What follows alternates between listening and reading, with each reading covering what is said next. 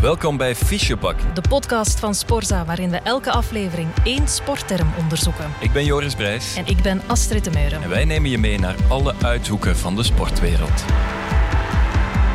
Fans worden nog te veel gezien als een noodzakelijk kwaad. The police tried to check the violence. One officer went down. Eigenlijk schandalig. Oh, that's terrible, terrible. Schimmels in dat bezoekersvak. Ik heb zelden zoiets afschuwelijks gezien. I don't really see what the fuss is about, quite frankly.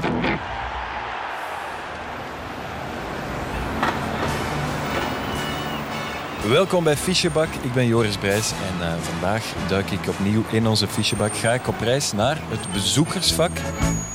Mijn vader in de tijd, dat was een zonderling. Die ging nog naar de voetbal, om voetbal rond te zingen.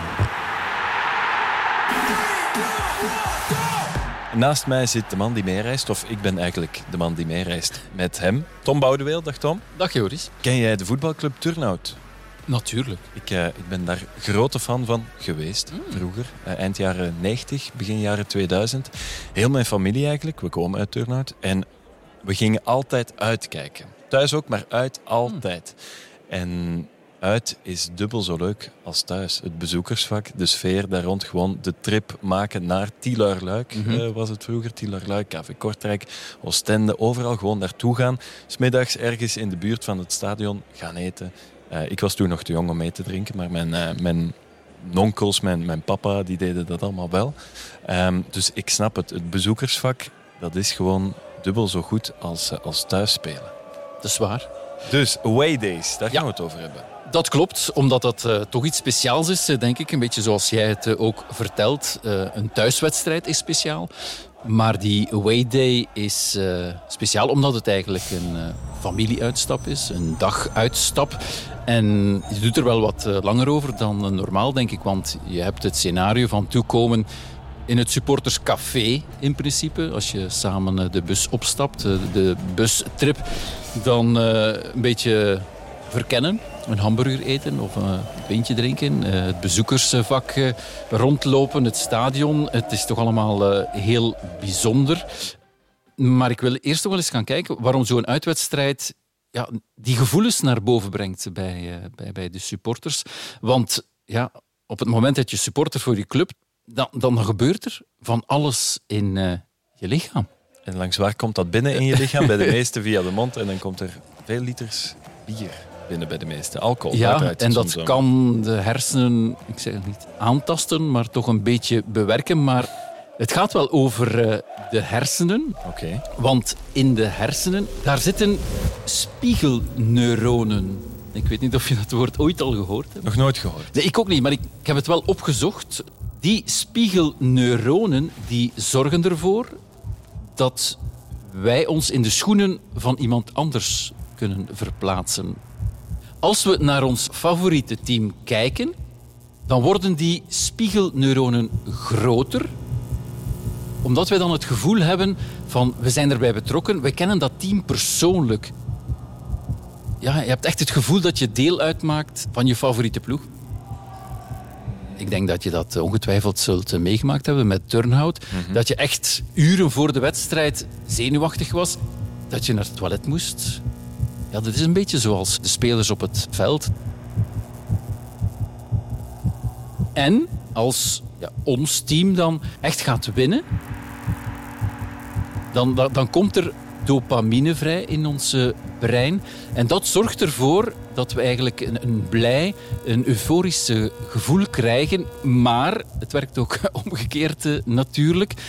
Als wij, als het team uh, verliest, dan uh, produceren onze hersenen een ander hormoon. En dat is cortisol. En dat zorgt ervoor dat onze hartslag verhoogt. Het verscherpt uh, onze reflexen. En uh, zo kunnen we sneller reageren op uh, gevaar. En kijk, dat wordt ook losgemaakt allemaal tijdens een voetbalwedstrijd. Je zou het niet beseffen als je echt naar de wedstrijd staat te kijken, maar dat is echt zo. Ik heb het gevoel dat ik even bij de dokter zit. Uh, ik wist niet dat we daarover gingen praten ja, ja, ja. Uh, bij uh, bezoekersvakken. Maar het is wel zo. Je ziet het inderdaad, wat er allemaal loskomt bij supporters. Ja, je hebt ook het gevoel dat je bijna zelf meegedaan hebt. Hè? Want mm -hmm. het voelt een beetje aan als een, als een fysieke inspanning, dat je zelf gesport hebt. En dan, ja, dat maakt emoties los. En ja, daardoor misschien vliegt er al wat sneller een uh, plastic bekertje bier de lucht in. Ja, de ene kan daar beter mee omgaan uh, dan de andere. Dus we zijn eigenlijk wel een beetje, ja, hoe noemen ze dat? Een vat aan emoties. Ja, supporters zijn eigenlijk tijdbommen. Die kunnen afgaan in de positieve zin, ja. maar ook in de negatieve zin. Ja, uh, allemaal. Als er iets gebeurt. Ja, allemaal wel een uh, beetje zeker. Hè. En ja, het is dan altijd maar de vraag, hoe ga je ermee om met uh, die hormonen? En dat doet me dan een beetje terugdenken aan een vraagstuk van lang geleden, 1985.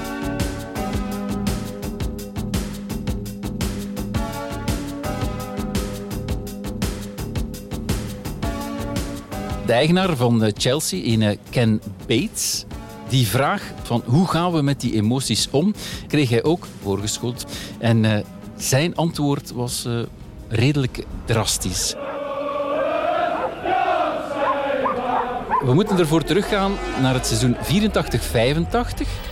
Al voor de wedstrijd kwam het in de straten rondom het stadion tot felle scheld- en vechtpartijen. De ergste rellen gebeurden s'avonds nabij het station. En voor wie de geschiedenis van het Engels voetbal een beetje uh, kent, dat is wel een uh, historisch jaar. Dat natuurlijk in uh, mei 85 in, in Brussel, in het Heizelstadion, had je het Heizeldrama met de Liverpool supporters die een charge uitvoerden op die van uh, Juventus. 39 uh, doden, vooral Juve-fans. Een onzinnige tragedie. Oh, dat is terrible, terrible. Ik heb zelden zoiets tragisch en zoiets afschuwelijks gezien. Maar ik denk eerst en vooral dat men toch moet onderstrepen dat degenen die de wandaden bedreven hebben, de eerste schuldigen zijn. Meneer Wouters, u hebt uh, vanmorgen de filmbeelden bekeken. Wat is uw conclusie? Onbetwistbaar is dat de schuld bij de Liverpool supporters ligt. Zij hebben aangevallen zonder reden. Welke maatregelen overweegt de UEFA nu? Volgens ik ook verneem, zouden er zeer strenge maatregelen kunnen volgen op zichtens de Engelse clubs. Maar ja, dat was niet het enige dat jaar, want ook in de maanden die er aan uh, vooraf uh, gingen, was er toch heel veel hooliganisme en uh, supportersgeweld in de Engelse stadions. En ik neem er eentje uit dat toch ja, een soort dieptepunt was. Dat was de wedstrijd tussen Chelsea en Sunderland. A 3-2 victory over Chelsea has been totally overshadowed by the appalling scenes of crowd violence. Trouble inside and outside the Stamford Bridge ground. Turned the semi-final into one of British football's blackest nights. Chelsea verloor thuis met 2-3. En door die nederlaag ja, zijn supporters het uh, veld opgekomen. Fans began pouring onto the pitch just after Sunderland's second goal. Maar dat niet alleen. 20 policemen were injured. As the police tried to check the violence, one officer went down under a hail of improvised missiles. Seats torn from the stands. Dat waren dan politieagenten te paard. Allebei te veel cortisol. Ja, ik denk het wel. De paarden misschien net niet. Maar het moet wel een... Uh, ja, flink gezicht geweest zijn. Eerst de supporters en dan de paarden met de politieagenten erachter om de gemoederen te bedaren. En ja, uiteindelijk zijn er toch zo'n uh, honderdtal mensen gewond geraakt. Klinkt uh, als een veldslag ook. Uh, paarden. Ja, ja. Na ja, dat zoveelste geval van supportersgeweld was het toch tijd om in te grijpen, vond de Engelse voetbalbond. Eerst was er een boete voor Chelsea, 40.000 pond. Moesten ze eigenlijk investeren uh, om het stadion beter te beveiligen.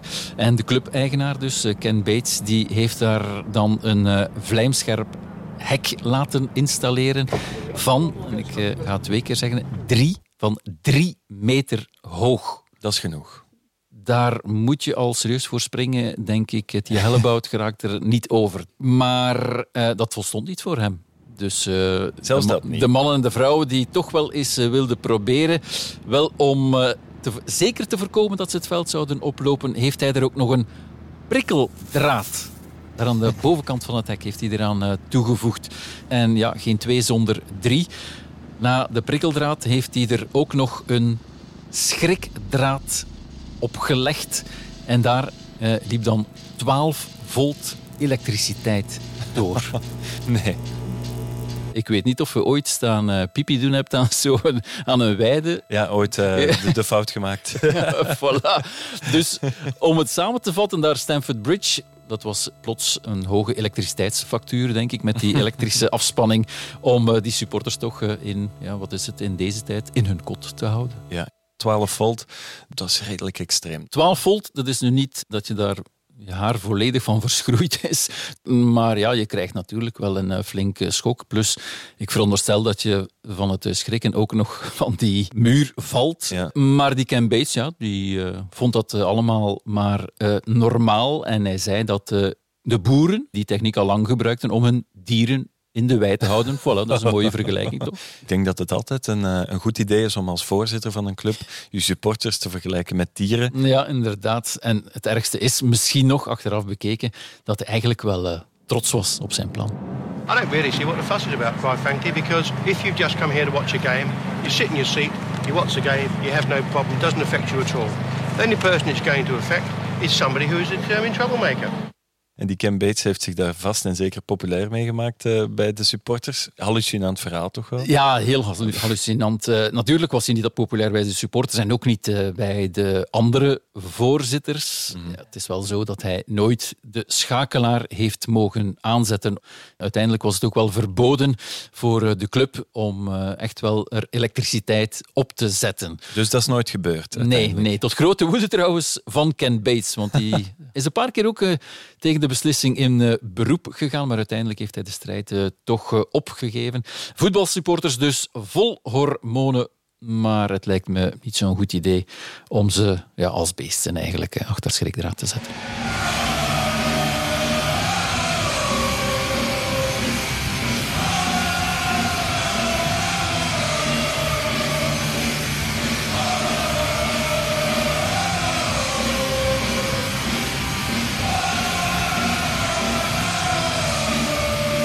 Heb het ook nog wel gezien. Echt oh, ja? hekken ja, die, die, die van boven dan eigenlijk Oh, in een die- kleine Ja, van En daar stonden pieken op- op. Ja. Op Anderlecht, denk ik. Veel velden, denk Ja. ik. Ja. Zeker in tweede klasse. Daar was het nog erger. Toen Turnhout nog in tweede klasse speelde. Ja, de goede oude tijd. Maar goed, ehm, als we het hebben over het bezoekersvak, eh, de manier waarin supporters daarin gepropt worden als V, zoals die Cam Bates het eigenlijk eh, het liefst had. Het zit hem in de naam ook een klein Mhm. beetje. Het is een vak, het is een hok, het is een kot waar de supporters op eh, verplaatsen gaan en moeten zitten of staan. Ja, het is dan dat kleine afgesloten vakje en nergens anders.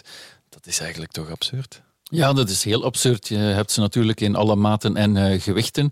Eh, de verandastructuren, et cetera. Eh, veel luxe is er ongetwijfeld niet. Het is niet dat ik nu alle uitvakken al heb getest en er een Michelin-gids en, sterren, en sterren heb aangegeven. Maar ik vond het wel eens leuk om ja, de mensen zelf, die heel vaak op eh, verplaatsing gaan, zoals jij dat eh, vroeger deed, Mhm. eh, de kenners, want dat is toch altijd het leukste. Wij zitten altijd op de mooie plaatsen in het eh, midden als Dat valt toch, voetbalverslaggever. best wel mee, ja, ja. soms. Dus eh, wou ik wel eens gaan horen. En eh, laten we misschien eh, beginnen met eh, deze man. Ik eh, ben Hans Bressing, 30 jaar. Ik werk voor een verzekeringsmaatschappij in het Antwerpse en eh, ben supporter van eh, Royal Antwerp Voetbalclub. Hij is eh, 30 jaar en hij heeft al heel wat jaren ervaring. Ehm, ik reken erop dat hij ja, zo'n 90 stadions al heeft eh, bezocht. Niet alleen Belgische natuurlijk, maar die kent hij het de beste. Ehm, niet alleen van eh, 1A, maar ja, als je Antwerp supporter bent, dan heb je ook wel wat jaren in 1B eh, Oppassen gezeten. wat je zegt, Tom. Dus, nee. dus eh, hij heeft wel eh, ervaring. En eh, als ik bijvoorbeeld eh, Anderlecht zeg, dan zegt hij Veel te klein. KV Mechelen. Raar dak. Dat is waar. We doen er nog eentje bij. Eh, AA Gent. Mooi vak. Mooi vak. Jammer van de gracht. Mijn bril is er ooit ingevallen, dus ik, ik heb de gracht niet graag. Eh, en veel te weinig sanitair voor zo'n nieuw stadion. Dat is daar echt een ramp tijdens de rust. Dat kunnen ze misschien wel meepakken bij AA Gent. Ja, en als er ooit toch zo'n gids komt, dan denk ik dat we hem ook eens moeten bellen om eh, recensies eh, neer te schrijven. Ja, ik kan nog wel even doorgaan, denk ik. ja, hij is iemand die zijn ploeg eh, door dik en dun eh, steunt. eh, die zijn ploeg overal eh, volgt. En ja, zoals wij hier daarnet ook al hebben gezegd, eigenlijk een soort bevestiging dat zo'n uitwedstrijd toch wel iets moois is. Ja, dat is uh, vanaf dat we in het café voor, voordat we op de bus stappen afspreken met alle maten en dan gewoon uh, erop uittrekken met z'n allen en uh, de, ja, je, gaat met z'n allen naar datzelfde doel, naar dat andere stadion in de hoop dat uw club de drie punten meepakt. Maar wat dat voor ons vaak eens zo belangrijk is, is dat wij ons willen laten horen naast het veld. We halen er plezier in als we het gevoel hebben dat we de tegenstander vocaal kunnen overklassen. Uh, ja, dat is een hobby gelijk een ander. Hè. Iemand uh, die gaat bijvoorbeeld treintjes uh, verzamelen en een andere doet postzegels. Voor ons is dat voetbal. Mooie vergelijking toch van Rudy. Hij is supporter van een Limburgse club. Racing Genk. En hij is er overal bij. En uh, uiteraard alles wat erbij uh, komt. Uh, ja, het organiseren van, van een busverplaatsing. Uh, het volledige pakket van eigenlijk vertrek in uw café tot terugkomst weer terug in uw eigen café. met vrienden onderweg zijn. ja, alles. Vooral sfeer. Ja, Hans en Rudy hebben al een paar punten aangehaald. We hebben ook een A-agent supporter, Nicolai. En die haalt nog een ander belangrijk aspect aan. Het belangrijkste uh, facet daarbij eigenlijk is uh, de vriendschap. Dus um, allee, voor mij toch de meeste away days dat ik doe, is met uh, Balieu Hantwozen. Dat is een uh, sfeer- en supportersgroep. En dat zorgt er wel voor, als je dan samen op verplaatsing gaat, dat elkaar goed leert kennen. En zo bouwden we wel vriendschappen op op de voetbal. Het zijn allemaal uh, positieve dingen die ik heb gehoord van Hans, Rudy en Nicolai. Maar ik kan je verzekeren, ze hebben ook negatieve dingen gezegd. Want Joris, het is niet allemaal roze geur en maneschijn hoor. Ja, Hans bijvoorbeeld. Hans is een Antwerp-supporter. Die mm -hmm. hebben een reputatie uh, niet echt mee. Dat heeft te maken met dingen die in het verleden gebeurd zijn. Maar ze slepen dat nog wel mee naar het heden.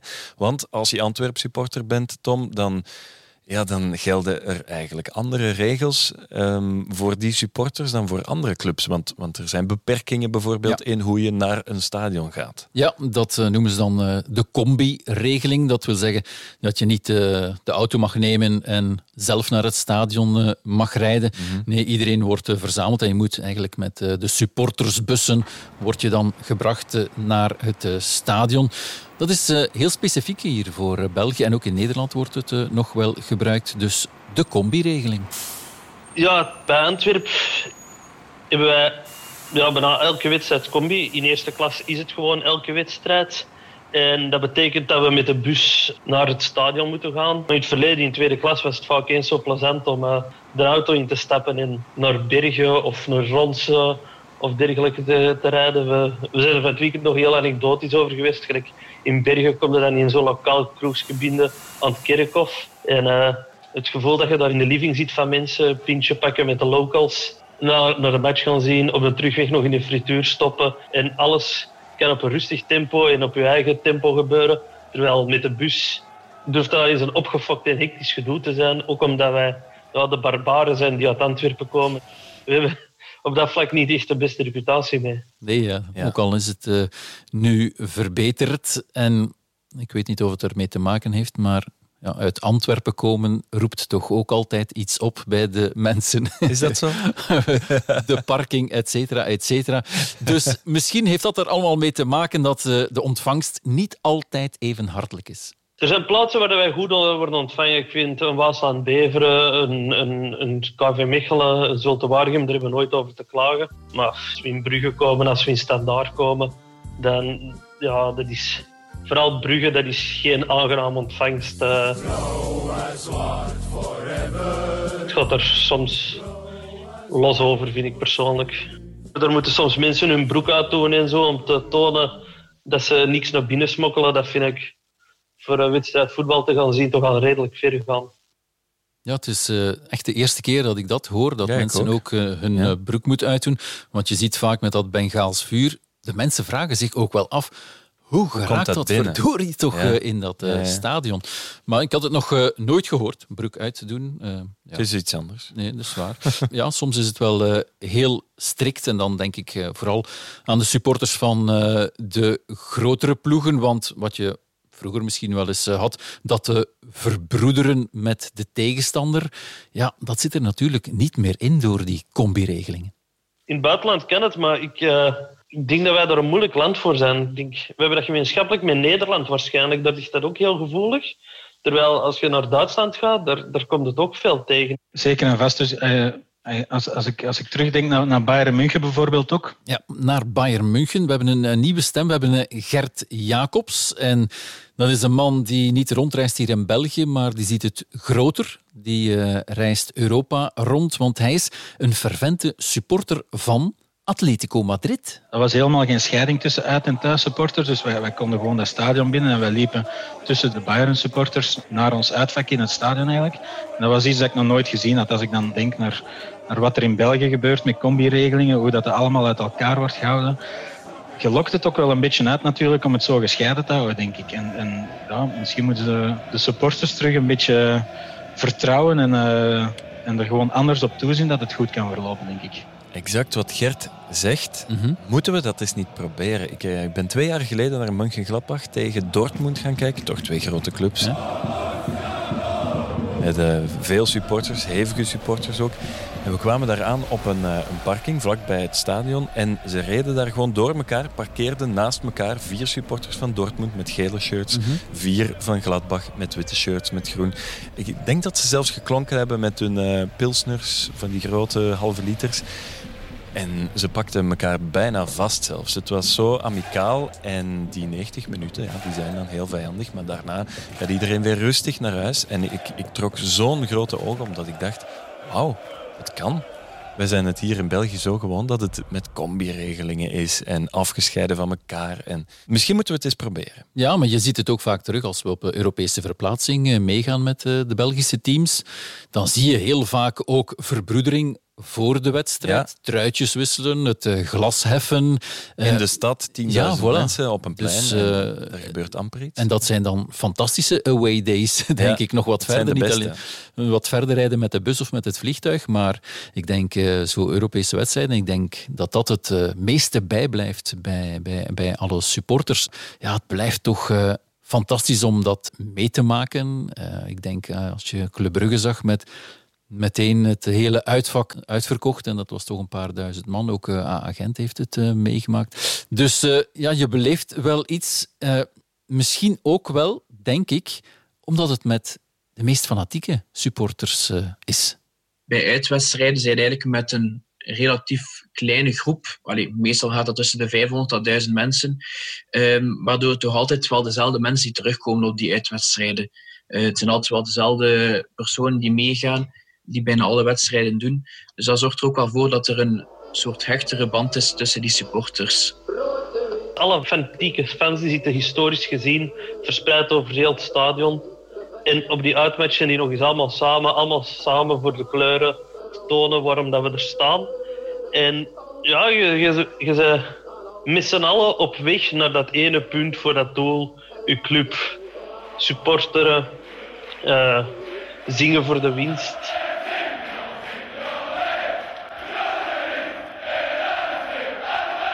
Ja, het is eigenlijk fantastisch. Je ziet het zo voor je. Mm -hmm. En als je dan in sommige stadions waar meer cinema-publiek is, ja, dan uh, mis je dat toch, uh, vind ik.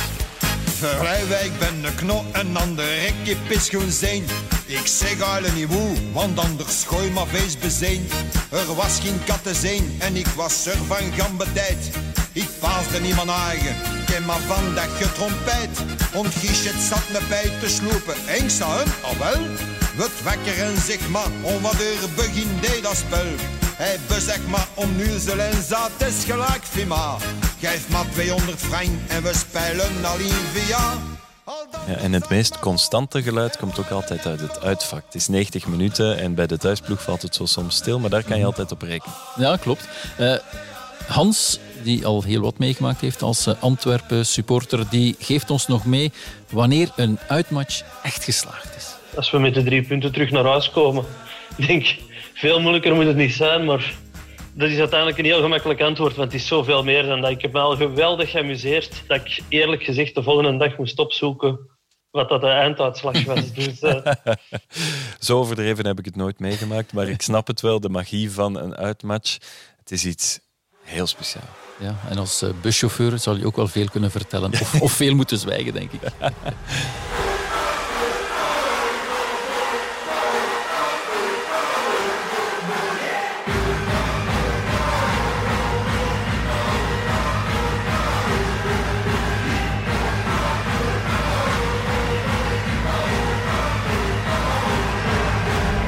We hebben al een uh, wetenschappelijk stukje gehad, maar ik heb ook nog een stukje geschiedenis. Want ja, het voetbal is oud, maar de voetbalverplaatsing is natuurlijk even oud.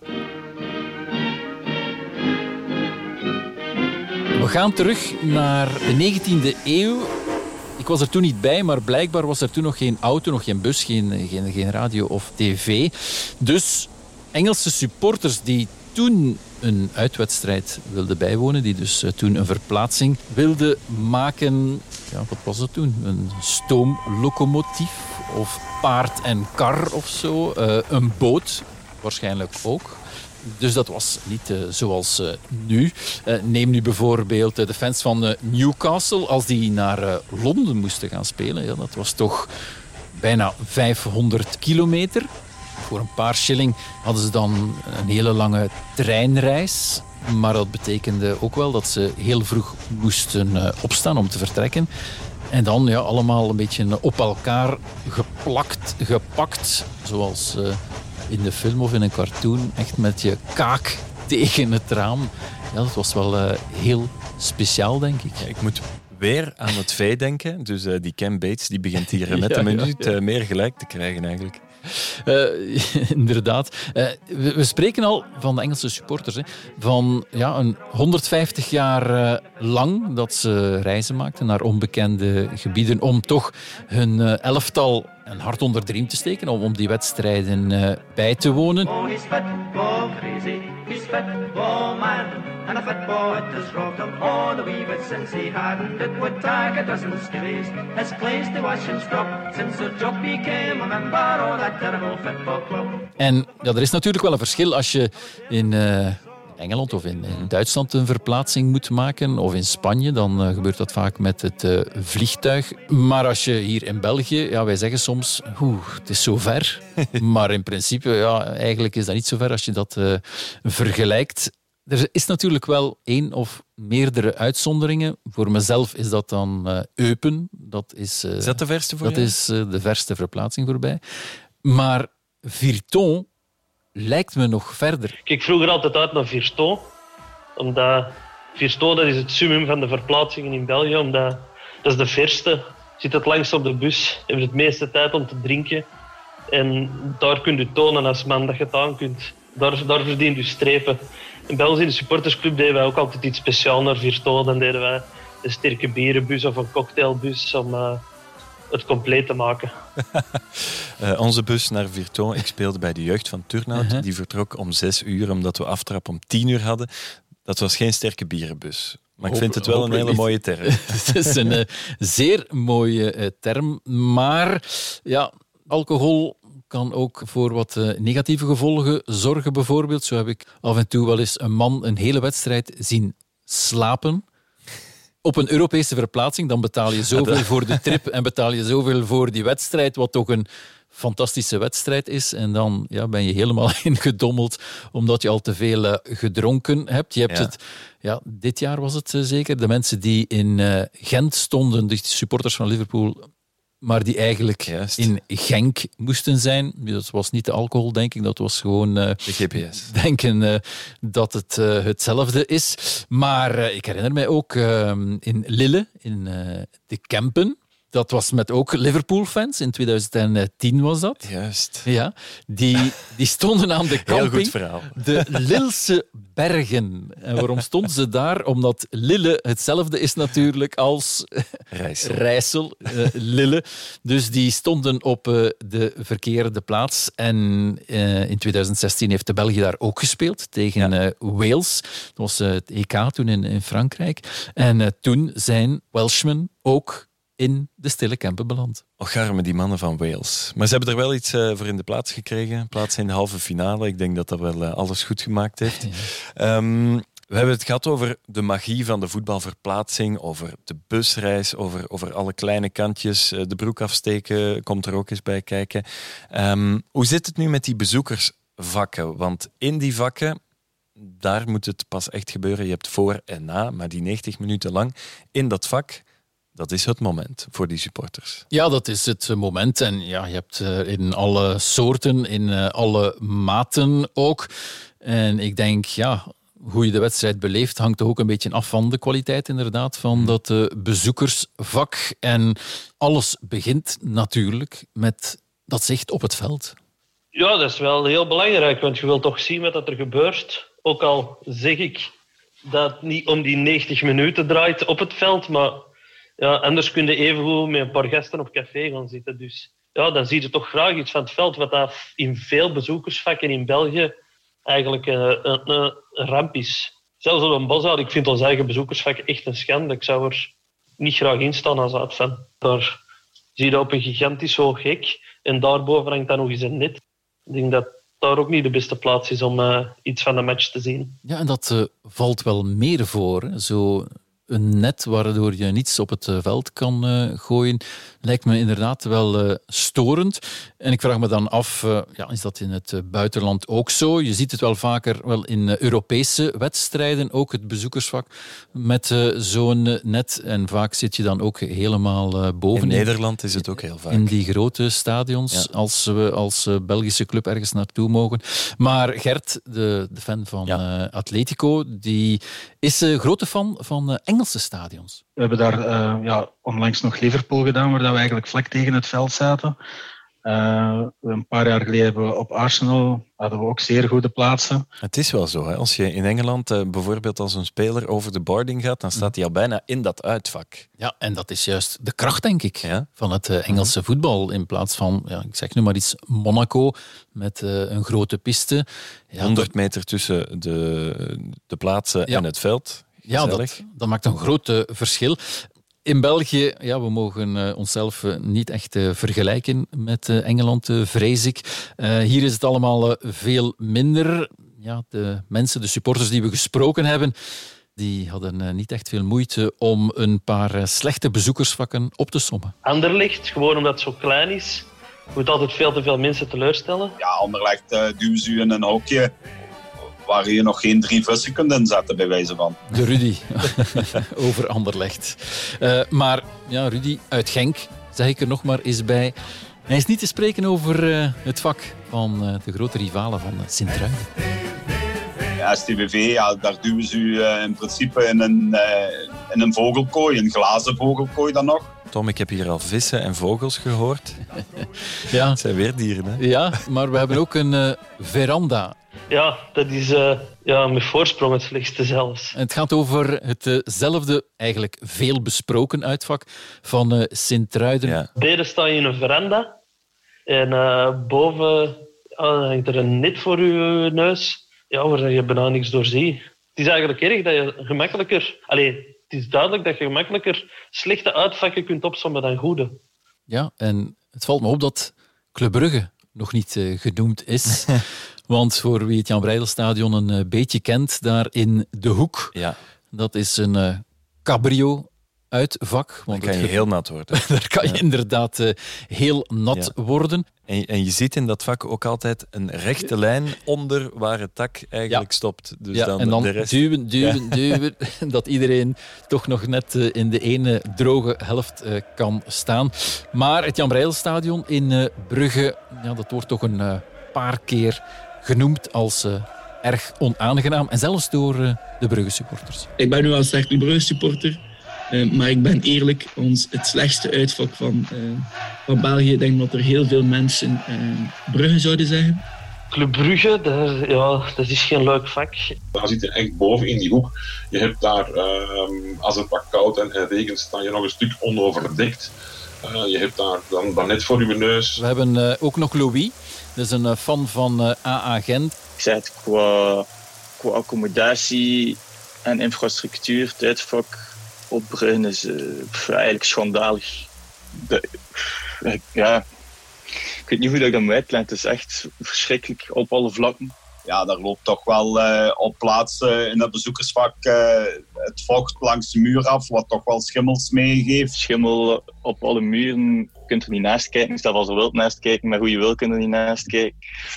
En ben daar een keer eh, ja, enorme plassen op de grond aangetroffen.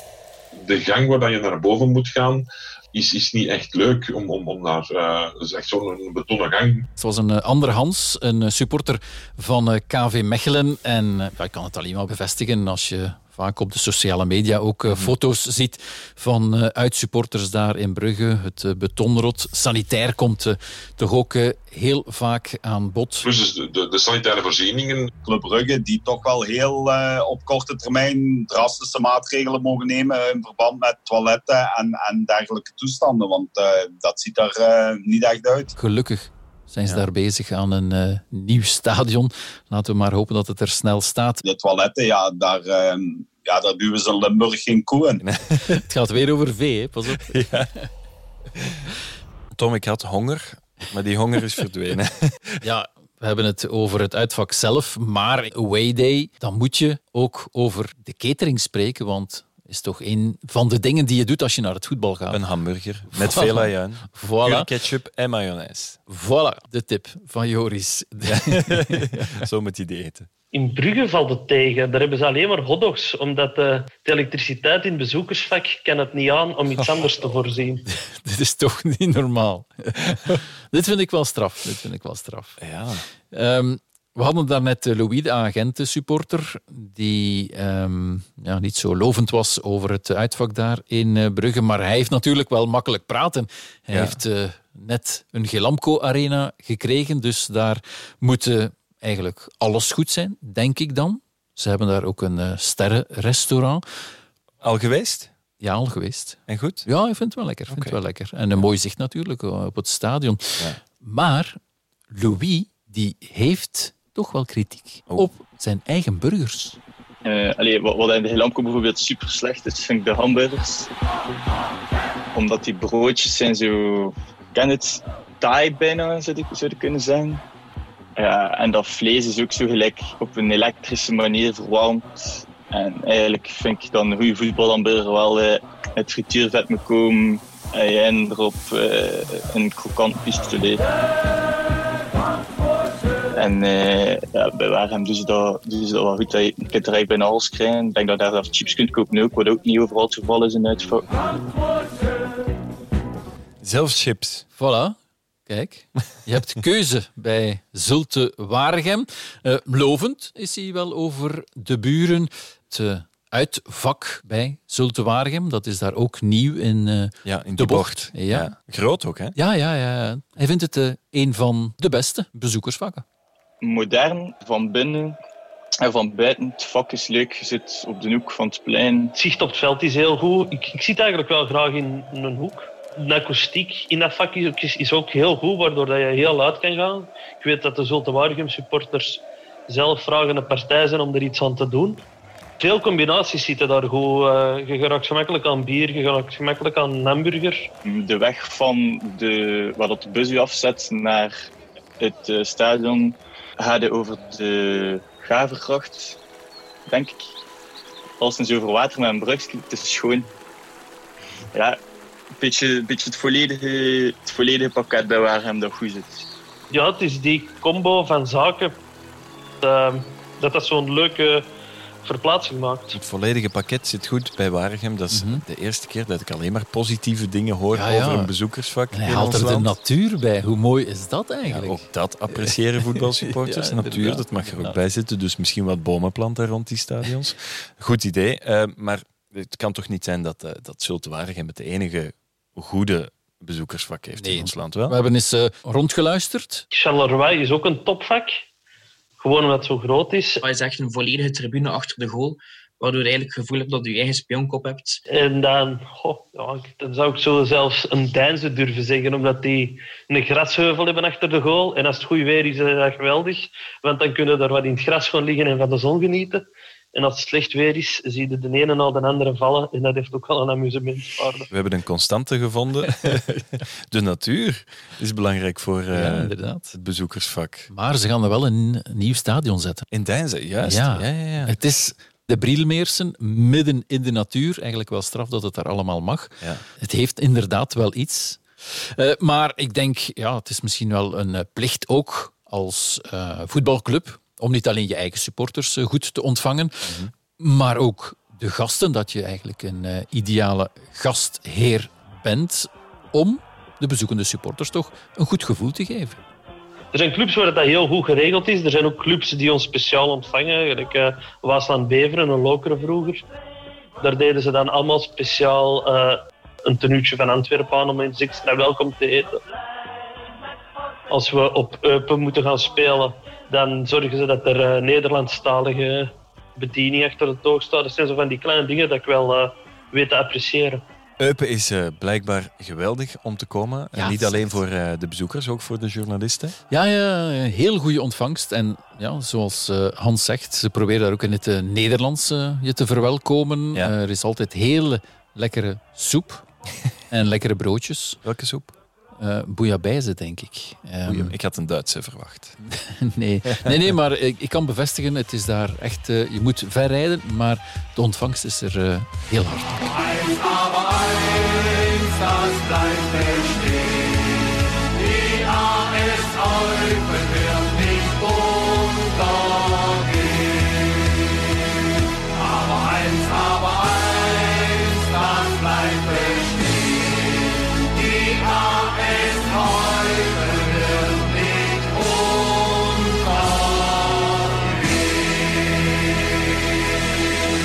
Gelukkig zijn er uitzonderingen. Eupen, Charleroi, Zulte Waregem. Um, uitstekende bezoekersvakken volgens uh, onze supporters in België. Ontvangst is goed. Dat zijn dan blijkbaar toch uitzonderingen, want uh, ja, het is best wel tekenend, veelzeggend, dat je moet gaan zoeken in het kleine, met alle respect, Deinze in 1B om, om bij een goed bezoekersvak uh, terecht te komen. Ja, een van de meest verrassende zaken die hier uh, tot nog toe zijn gezegd, vind ik. Dus de conclusie is dat er meer slechte bezoekersvakken zijn dan goede hier in België. Maar het extreme met elektriciteit op de hekken, dat hebben we hier nog niet gehoord. Ja, al scheelt het niet zoveel.